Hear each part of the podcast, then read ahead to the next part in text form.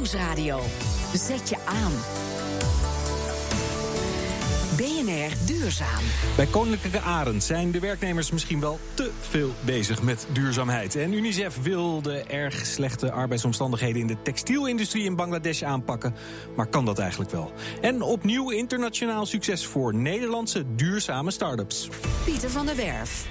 Als je duurzaamheid voorop stelt in je bedrijfsvoering, dan uh, gaat het na verloop van tijd vanzelf in de genen van de medewerkers zitten. Dat zien ze bij Koninklijke Arend. De kantoorinrichter is al 25 jaar bezig met dit thema en medewerkers moeten vaak eerder afgeremd worden in hun uh, nieuwe groene ideeën dan gestimuleerd.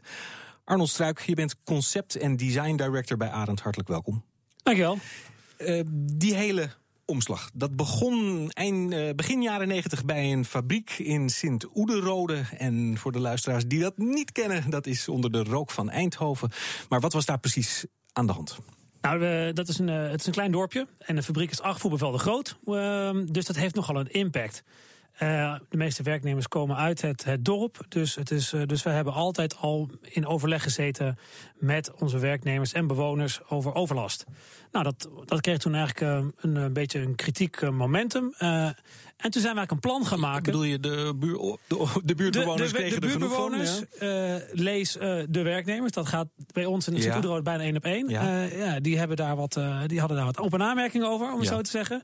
En dat heeft geresulteerd in een plan. En dat plan is uiteindelijk verder gegaan dan SEC, het verduurzamen en terugbrengen van overlast van een fabriek. En heeft echt een, een duurzaamheidsvisie ja. geuit. Hoe heeft zich dat dan ontwikkeld sindsdien? Uh, nou, dat heeft zich in, in allerlei. Hoe groen zijn jullie gebouwen bijvoorbeeld nu? Ja, nou, dus de, de, de fabriek die heeft nu uh, 93% minder waterverbruik bijvoorbeeld. Dus dat zijn dan 36 miljoen douchebeurten. Ja. Om dat een gevoel ja, te geven. Ja, dat is indrukwekkend. En uh, als je dus letterlijk door die fabriek loopt, dan, dan, dan zie je dat er water rond, uh, rondgepompt wordt. Uh, we hebben afval uh, kunnen reduceren met 96%. Er staat een recyclingfabriek erachter. We hebben zelfs de fabriek om de rivier heen gebouwd. We hebben een duizendjarige woud ernaast geplant. Er komt een ijsvogel terug. Als je buiten de fabriek staat nu, hoor je niets. Duizendjarig woud. Ja, zijn we net net geplant, dus dat moet nog even 980 jaar. Die duurzaamheid, dat is ook vertaald naar jullie producten. Jullie bouwen kantoormeubelen dusdanig eigenlijk dat je ze eindeloos uh, onderdelen kan vervangen. Uh, maar hoe werkt dat dan precies? Vooropstellen, als je echt een duurzaam product wil, wil maken, dan moet je het gewoon uh, goed designen, zodat het het liefst in zijn huidige staat zo lang mogelijk meegaat. Ja. Aan producten zitten kost ook energie. Ja. Uh, maar als dat dan toch een keer moet, uh, omdat er een onderdeel uh, niet meer heel of zo, dan is die, de, als je het goed hebt opgebouwd, wij noemen dat moeilijk woord modulair, vergelijken met Lego-steentjes. Ja. Uh, dan kun je er gewoon een Lego-steentje uithalen en dat vervangen. En dan kan het weer mee. Als je op Marktplaats kijkt, dan zie je de heet dan de Aren 220, is een bureaustoel. Maar die gaat nog steeds mee. Er wordt nog steeds 150 euro betaald voor een 20 jaar oude Arenstoel. En die krijgen wij ook af en toe terug. En dan vervangen we een onderdeel en dan kan die weer mee. Maakt dat producten ook duurder? Uh, niet per se, maar het kan wel. Als jij iets uh, qua investering en vooruitdenken, dus in je product development, zeker. Uh, het kan ook zijn dat je een materiaal pakt, uh, wat natuurlijk duurzamer is en dan meer kost. maar als daardoor de levensduur naar 20 jaar gered kan worden, dan is het natuurlijk in de, in de, in de kost per gebruik is het niet duurder. Nee.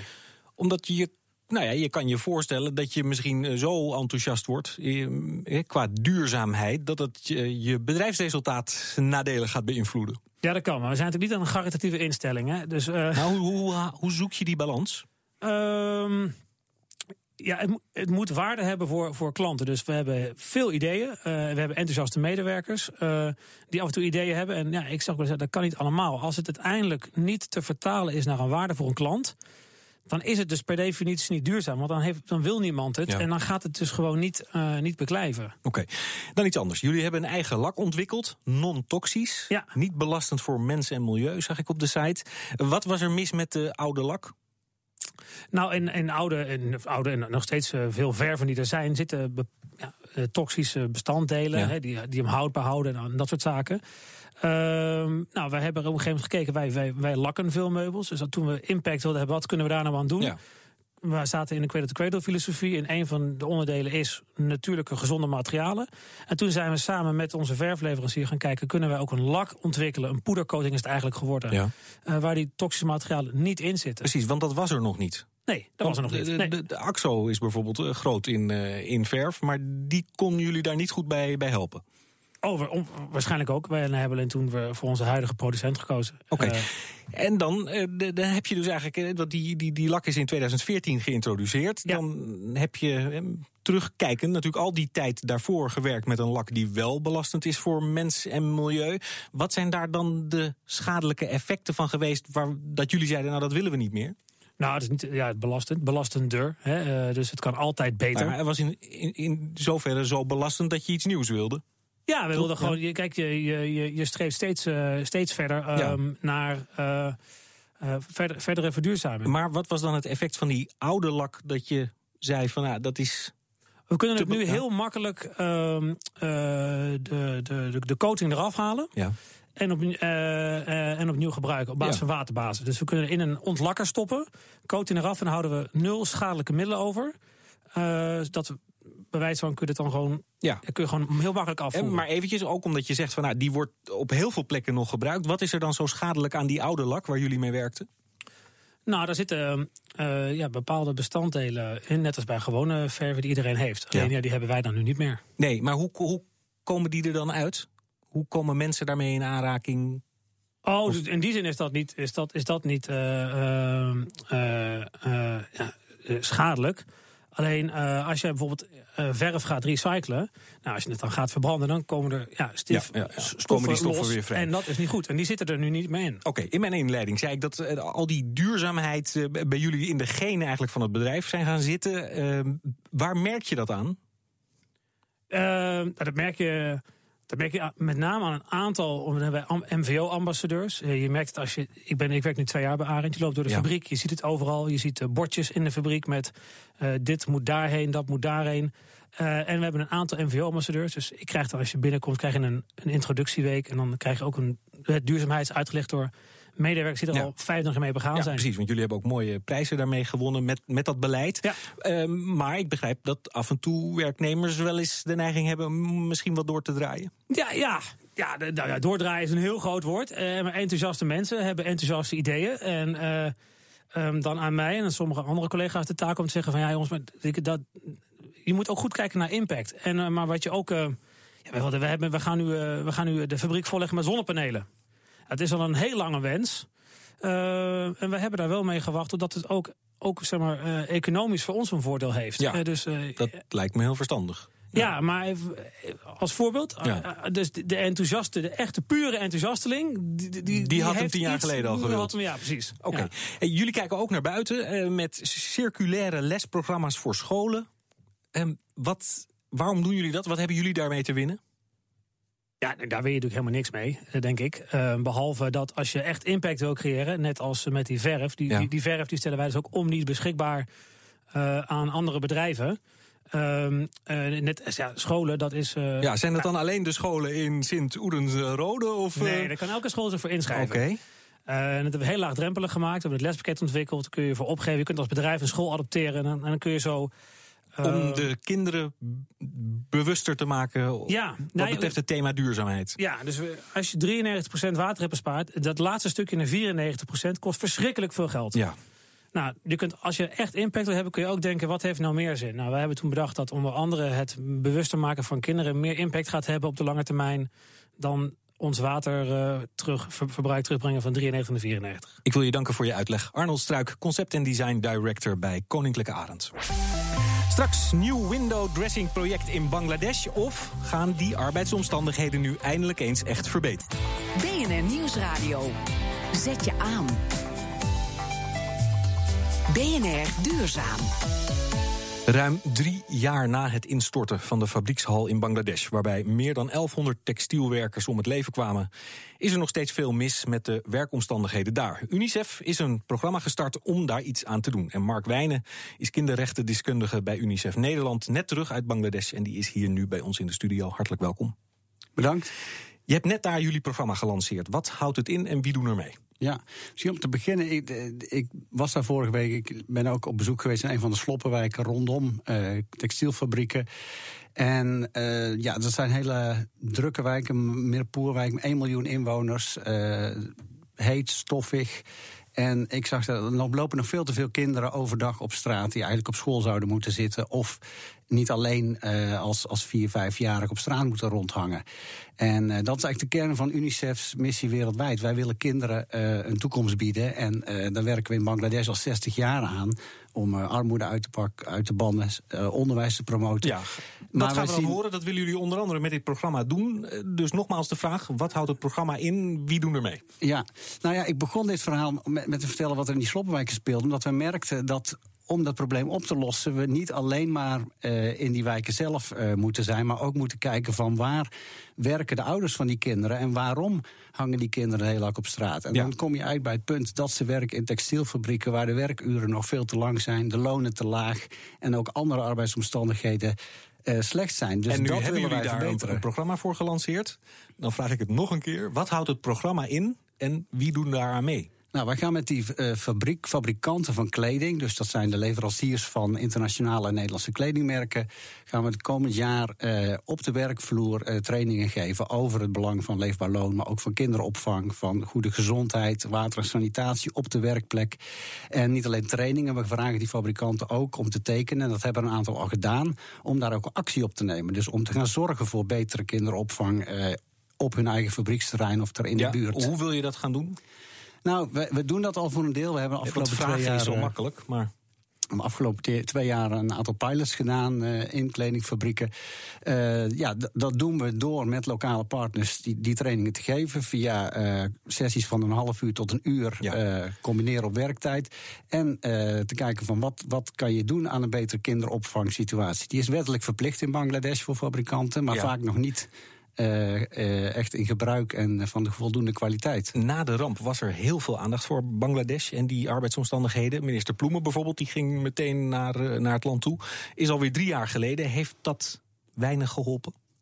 Nou, op het gebied van, van veiligheid en uh, brandveiligheid en uh, van fabrieken is er wel degelijk een hoop verbeterd. Hè. Er bestaat het Bangladesh-akkoord, dat, is nog ver van ideaal. Uh, maar heel veel fabrieken worden daar nu wel heel regelmatig gecheckt daarop. en dat heeft tot verbetering geleid.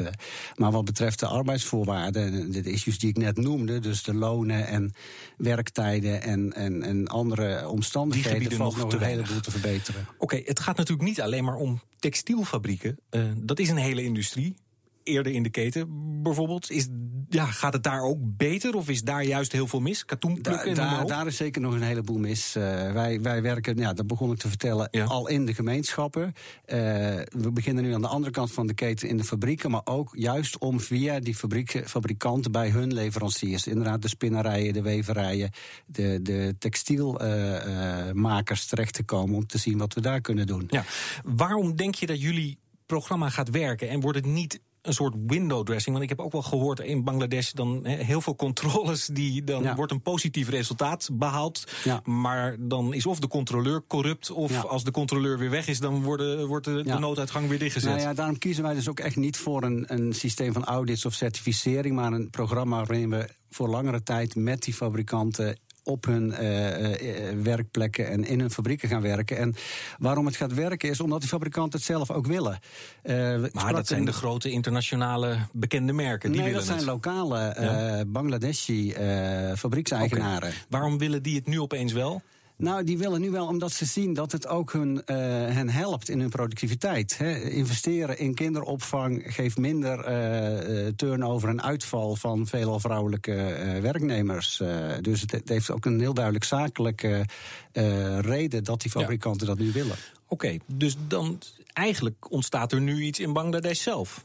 Dus dan zou je zeggen van waarom moeten wij dan vanuit Nederland die cultuur willen veranderen? Terwijl ze misschien gewoon recht hebben op hun eigen proces. Zoals we dat hier ook hebben meegemaakt. Hè. We hebben Ja. hier ook kinderarbeid gehad. En op Ja. een bepaald moment zeiden we dat Ja. moeten we niet meer Nou ja, willen. wij doen het dus ook niet, niet alleen vanuit Nederland. Natuurlijk willen we graag dat Nederlandse en internationale kledingmerken eh, dit steunen. En hun leveranciers eh, stimuleren hier aan mee te doen. Of zelfs deze leveranciers te kiezen als ze de keus hebben. Maar eh, het begint in Bangladesh zelf, waar wij met lokale partners dit doen. om de economie daar te helpen. En om Ja. te zorgen dat die, die kledingindustrie daar niet alleen maar bekend staat om de misstanden. maar uiteindelijk ook als een sector die miljoenen uit de armoede kan eh, liften. en een bestaanszekerheid te geven. Oké. Wat gebeurt er met kinderen die nu niet meer mogen werken in die fabrieken? Als ze dan bijvoorbeeld in de kinderprostitutie belanden, dan zijn ze natuurlijk nog veel verder weg van huis. Nou ja, als, als er kinderarbeid nog gevonden wordt in fabrieken, dan daar hebben we al heel lang ervaring mee. Dan is vooral de zaak om ze zo snel mogelijk in een onderwijssituatie te brengen. dus dat, maar hoe doe je dat? Dat doe je door. als de ouders geen geld hebben en het, de, de, de overheid nog niet nou, zo ver ja, is? Dat, dan, dan, dan hebben wij het voor dat we al 60 jaar actief zijn in Bangladesh. En weten hoe we met ouders en werkgevers kunnen zorgen voor oplossingen. Maar als je het zo zegt, dan was dit probleem al lang opgelost in Bangladesh nee, in die dat, 60 dat jaar. Ja, Nee. Als het zo makkelijk is. Ja, nee, maar het is van alle kanten moet, moet, die, uh, moet het uh, aangepakt worden. Wat we bijvoorbeeld heel lang doen en blijven doen, is ook voor, voor werkende kinderen die gevonden worden, bieden we speciaal onderwijs aan, remedial teaching. Dus dat ze, als ze op latere leeftijd nog aan een lagere school uh, moeten beginnen, die kans krijgen door speciale aangepaste lespakketten in, op speciale locaties. Oké, okay. terug naar het programma. Zijn daar ook concrete doelen aan verbonden? Gaan jullie dat meten? Wat willen jullie precies bereiken? Nou ja, wij willen uh, vrij ambitieus voor ons uh, in drie jaar tijd 1 miljoen uh, families met kinderen bereiken. En dus echt een beter bestaan geven. En daarvoor beginnen we nu in, met tien fabrikanten. En met tien individuele fabrieken van die fabrikanten. Maar die hebben allemaal 10 tot, tot 70 fabrieken. Dus we hopen dat in komende twee jaar uitbreiden tot al die fabrieken en mogelijk nog veel meer. Uh, en op die manier dus die 1 miljoen uh, uh, families en kinderen te bereiken. Heel veel succes daarmee en hartelijk dank. Mark Wijnen van UNICEF Nederland. BNR Duurzaam. Nederlandse start-ups met goede duurzame ideeën doen het internationaal goed. Twee Nederlandse innovaties kwamen onlangs als winnaars uit de bus bij de European Innovation and Technology Awards in Budapest. Hans Westerhof is van Climate Kick. Jullie Europese moeder is verbonden aan deze prijs. Waarom heeft nou juist deze uitvinding gewonnen? Uh, je hebt het over Nerdelis. Ja. Uh, een team uit Nederland. Uh, wat Nerdelis doet, is computing power verkopen aan mensen die heel veel compute nodig hebben. En zij doen dat doordat zij de servers niet in een datacentrum hebben, maar bij mensen thuis in verwarmingen neerzetten. Oké. Okay. Zou, zou, je me nog even willen helpen? Com computing power leveren? Ja. Dat uh, wat bedoel je daar precies mee? Eigenlijk gewoon rekenen. Computerintensieve rekentaken. Ja. En daar, wordt, daar komt er enorm veel warmte vrij, zoals we allemaal weten. En Klopt. daar hebben ze iets op gevonden om, uh, ja, om dat, zou ik maar zeggen, om daar die warmte te gebruiken om weer iets anders mee te verwarmen.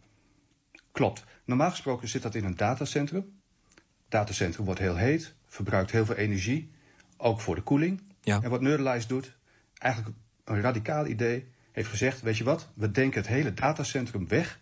We zetten de service in verwarmingen bij mensen thuis. Dan okay. krijgen die mensen gratis verwarming en we hoeven niet meer te koelen. Tevreden met deze samenvatting, Florian Schneider van Nerdelis?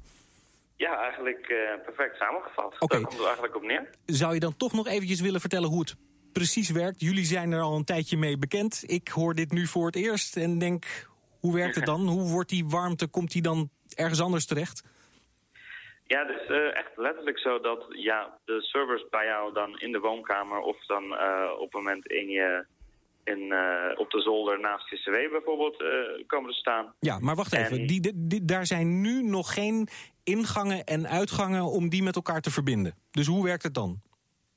Hoe, hoe bedoel je met uh, in uh, nou, ik, en ik, ik, ik krijg de warmte van mijn server krijg ik onmogelijk in mijn verwarming of... Ja, ik bedoel, die komt vrij in mijn huis. Maar bijvoorbeeld, uh, dat is winters misschien wel lekker, maar zomers niet. Nou, uh, in de eerste versie, als we het zo al hebben neergezet... is het een radiator die komt daar te hangen. En nou, die kan bijvoorbeeld in de zomer, als het echt warm is... de hitte naar buiten afvoeren. Maar dat betekent, uh, je kan ook zelf de warmte reguleren... En uh, ja, die wordt direct daar eigenlijk opgewekt waar je ze nodig hebt. Ja, dus hoe, hebt hoe kan ik het reguleren? Dus jij, jij draait uh, in principe aan een knopje en zegt... nou, ik wil het warmer of kouder hebben. Ja, en maar die warmte komt dan nog steeds toch uit mijn computer? Uh, klopt, het is ook niet direct jouw computer. Het is een computer waar een bedrijf of een onderzoeker bijvoorbeeld uh, rekentaken op uitvoert. Ja. En wij kunnen dan, uh, en dat is in de eerste versie zo, dat dan de hitte naar buiten kan afgevoerd worden... Maar in de toekomst kan je er ook bijvoorbeeld voorstellen dat de warmte wordt opgeslagen en bijvoorbeeld warm tapwater ermee gemaakt wordt. Okay. Dus dan kan je ook zomers en winters ja, de warmte gebruiken. Oké, okay. nog even terug naar Hans Westerhof van Climate Kick. Jullie begeleiden heel veel start-ups. Ja, van veel start-ups hoor je ook wel dan na verloop van tijd niets meer. Hoe gaat dat bij jullie? Ja, dat is een beetje eigen aan Startup Live, zou ik zeggen. We hebben in ons programma 111 start-ups uh, toegelaten. En er zijn er 12 gestopt. Dat wil zeggen, er zijn er nog bijna ja. 100 over. Maar ja, die halen niet iedere dag de voorpagina. Sommige daarvan die doen het uh, heel erg goed. Sommige die uh, weten een, een mooi klein bedrijfje op te bouwen. En ja. sommigen hebben het natuurlijk gewoon moeilijk. Oké, okay, nou laten we nou even kijken naar Nerderlijs. Hoe, waar zitten dan nog de, de, de, de zwakke kanten dat je zegt van nou ja, het wordt wel moeilijk om hier echt een, een, een stevig bedrijf van te maken? Nou, zo, zo, zo, kijk ik er niet naar. Ik kijk nee. juist omgekeerd naar. Oké, okay, waar uh, zitten de positieve heeft... kanten waarvan je zegt van nou, dit gaat het echt worden? Nou, Nerderlijst heeft al hele serieuze partners aan zich gewonnen. Ja. En dat is natuurlijk eigenlijk het beste bewijs. Een prijs is altijd mooi, maar er is geen betere prijs voor een start-up dan gewoon een betalende klant. En dat is gewoon het echte bewijs dat je, dat je als start-up beter hebt. Oké, okay. ik wil jullie beiden hartelijk danken. Hans Westerhof van Climate Kick en Florian Schneider van Nerdalize. De minuut van de waarheid. Totale gasverbruik daalt met 50% als alle huizen in Nederland zijn geïsoleerd. Die tweet stuurde Natuur en Milieu de wereld in, maar klopt dat wel? André van Arnhem, redacteur van dit programma, die zoekt het uit. Eerlijk is eerlijk, in een tweet is weinig ruimte voor nuance. Dat vergeven we Natuur en Milieu bij voorbaat. Maar er is meer aan de hand. Factchecker is deze keer Lore Itaar, universitair hoofddocent bij de faculteit Bouwkunde van de TU Delft en lector aan de Haagse Hogeschool. En zij zit dicht bij de uiteindelijke bron van de tweet. Natuur en Milieu heeft het uh, getweet inderdaad en verwijst naar een artikel van en een onderzoek die zij uitgevoerd hebben. En daarin verwijzen ze ook naar hun eigen factsheet. En in die factsheet wordt verwezen naar uh, de proefschrift van uh, Dasha Messen, die zojuist uh, bij mij is gepromoveerd. Dat zijn heel veel tussenstapjes. Alleen kloppen de cijfers niet helemaal. Nou, niet helemaal. Eerder helemaal niet. Wat in het proefschrift voornamelijk staat, is dat de theoretische besparingen, dus wat je hoopt dat er bespaard wordt als je het gaat berekenen, zeg maar, uh, dat dat in de praktijk uh, toch heel erg uh, tegenvalt. U voelt hem al aankomen, die 50% gaan we niet halen. Nog één keer de stelling. Totale gasverbruik daalt met 50% als alle huizen in Nederland zijn geïsoleerd. Het gaat alleen maar om het gasverbruik van woningen natuurlijk. Hè. Het, de stelling doet vermoeden dat het over het hele gasverbruik in Nederland zou kunnen gaan. Nou, dat is dus niet het gevaar. Maar zelfs als je alleen naar de huishoudens kijkt, kom je niet in de buurt van die 50% besparing. Zij komen op een besparing van 550 euro per jaar. En dan komen wij op een besparing van ongeveer 357 euro. Dus in plaats van uh, 50% te besparen, uh, is naar ons inzicht, dan kom je meer rond de ergens tussen de 30 en de 35% Dus beoordelen we de stelling van natuur en milieu als. Helemaal onwaar.